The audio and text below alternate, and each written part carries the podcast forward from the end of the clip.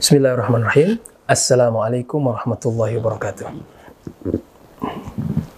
Alhamdulillahi wahda wassalatu wassalamu ala man la nabiyya ba'da wa la haula wa la quwata illa billah.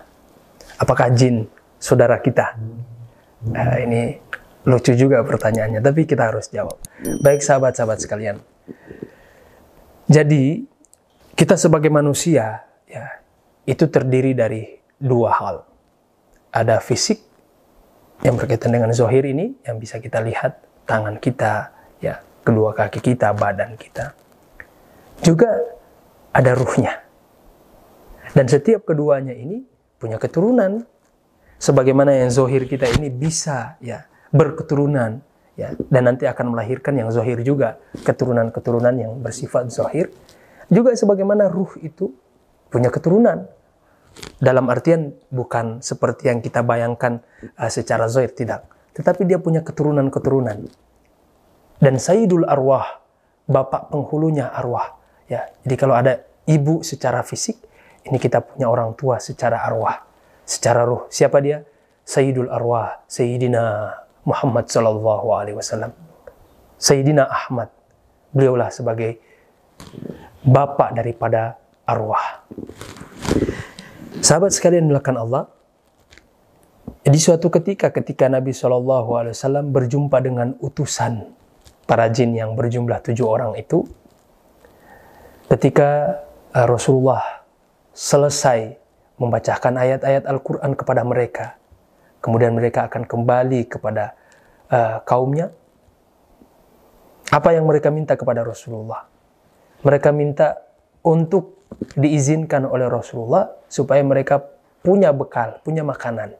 Nah inilah salah satu asbabul wurud kenapa kita manusia dilarang makan tulang. Tahu tulangnya? Bukan tulang orang Medan, tulang beneran. Nah itu salah satu asbabul wurudnya adalah kisah ini. Setelah Rasulullah SAW mendakwakan tujuh utusan para jin tadi, kemudian mereka meminta izin kepada Rasulullah supaya diberikan bekal maka Rasulullah kemudian mengizinkan mereka untuk memakan sisa-sisa makanan kaum muslimin. Ya, berupa tulang. Makanya kita dilarang untuk memakan tulang termasuk beristinja dengan tulang. Karena tulang itu adalah makanan saudara kita.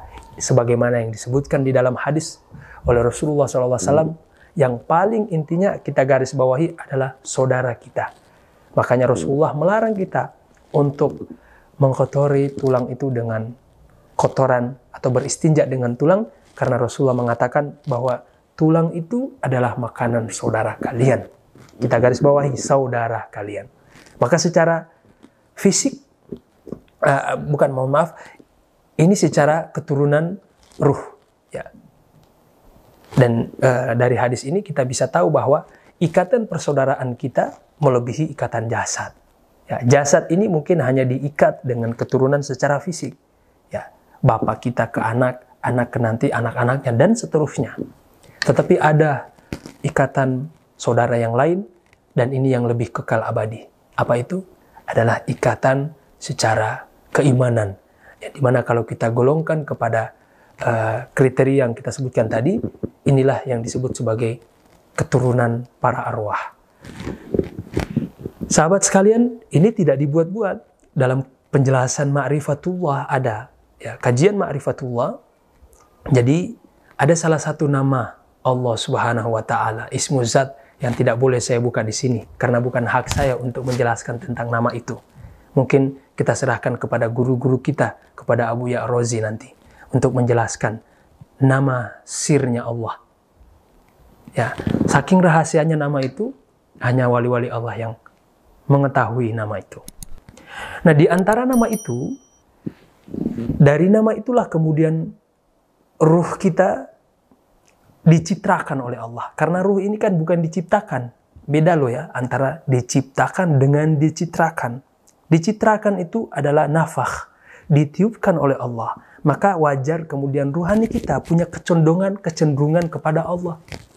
Maka ketika kita tidak membawa ruhani kita untuk mengenal Allah, maka kita akan gelisah selama hidup di dunia. Itu tabiat daripada ruh. Itu selalu rindu kepada Allah. Maka zolim kita, sahabat-sahabat sekalian, membiarkan ruhani kita kemudian tidak mengenal jalan pulang, tidak mengenal Allah. Karena ruhani kita terikat dengan Allah Subhanahu wa taala. Makanya disebutkan di dalam Al-Qur'an ikatan ruhani dengan namanya Allah itu, nama sirnya Allah itu adalah wa fihi min ruhi dan Allah menghembuskan ruhani itu. Ya, hembusan berarti bagian tuh dari Allah Subhanahu wa taala. Walaupun nanti kita nggak akan jelaskan lebih dari ini, ya. Ala hal sahabat-sahabat sekalian, dari nama rahasia Allah itu tercitra tercitralah ruh. Dan ruh itu punya karakter, punya sifat yang di mana kesemua sifat-sifatnya itu berkaitan dengan uh, sifat-sifat yang terpuji. Nah, dari situlah, dari salah satu nama sirnya Allah itu, kemudian tercitrakanlah lahir, kalau tanda kutip ya kita menggunakan bahasa yang mudah difahami, lahirlah beberapa keturunan. Keturunan tertinggi dari kecitraan atau dari citra ruh adalah Bani Anwar. Nah ini belum pernah kita dengar sebelumnya. Tapi ini ada dalam kajian Ma'rifatullah. Bani Anwar ini adalah keturunan cahaya-cahaya dari pancaran cahayanya nurnya Muhammad Shallallahu Alaihi Wasallam yang ada kaitannya dengan nama sirnya, nama rahasianya Allah. Dan inilah keturunan arwah yang paling tinggi, yang paling suci, yang paling mulia. Mereka adalah ruhaninya para nabi dan rasul. Di bawah satu tingkat daripada Bani Anwar adalah Bani Ruh, keturunan arwah, arwah-arwah suci yang masih ada kaitannya dengan nama sirnya Allah tadi. Nah ini ruhaninya para aulia, kekasih-kekasih Allah yang berjumlah 124 ribu. Di bawahnya lagi ada Bani Malaikat, yaitu keturunan para malaikat. Ya dari pancaran nur itu Allah ciptakan malaikat. Di bawah satu tingkat malaikat adalah Bani Adam secara umum, manusia secara umum. Manusia yang tidak uh, mengenal Allah, manusia yang lalai dari mengenal Allah, itu di bawah satu tingkat daripada mala, Bani Malaikat. Nah di bawah Bani Malaikat, eh, Bani Adam, ada Bani Alam. Dan yang terakhir, bukan walaupun ini bukan yang paling terakhir, masih ada lagi keturunan-keturunan. Ya, setelah Bani Alam, itu Bani Jan. Maka kalau kita runut dari uh, Bani Anwar, ternyata kita punya kaitan ya silsilah keturunan yang sama. Hanya saja kedekatannya tergantung seberapa banyak, seberapa bisa, seberapa besar kita mengenal Allah Subhanahu wa taala, kita berma'rifatullah. Maka semakin banyak seorang manusia ataupun dari kalangan jin dia mengenal Allah Subhanahu wa taala, maka ikatan batin ruhani kita akan semakin kuat Berarti kita bersaudara sebagaimana dipertegas oleh Nabi SAW. Jangan memakan tulang, jangan menggunakan tulang sebagai media untuk uh, beristinja karena tulang adalah makanan saudara kalian. Berarti toh kita masih saudara.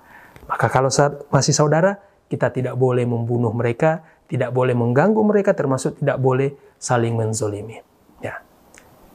Jadi di akhir sesi ini saya pertegas kembali bahwa secara keturunan fisik yang mungkin kita tidak ada kaitan dengan mereka karena fisik kita manusia berkaitan dengan yang zohir maka kita bersaudara secara fisik ya keturunan dari keturunan garis keturunan fisik.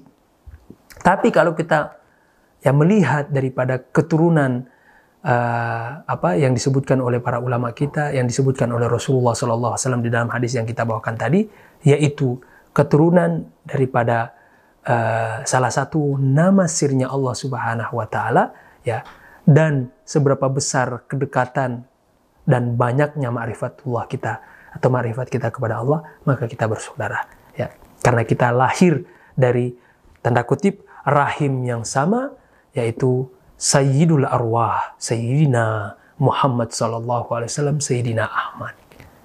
Ini dulu yang bisa saya sampaikan mudah-mudahan bermanfaat. Billahi taufik wal hidayah. Assalamualaikum warahmatullahi wabarakatuh.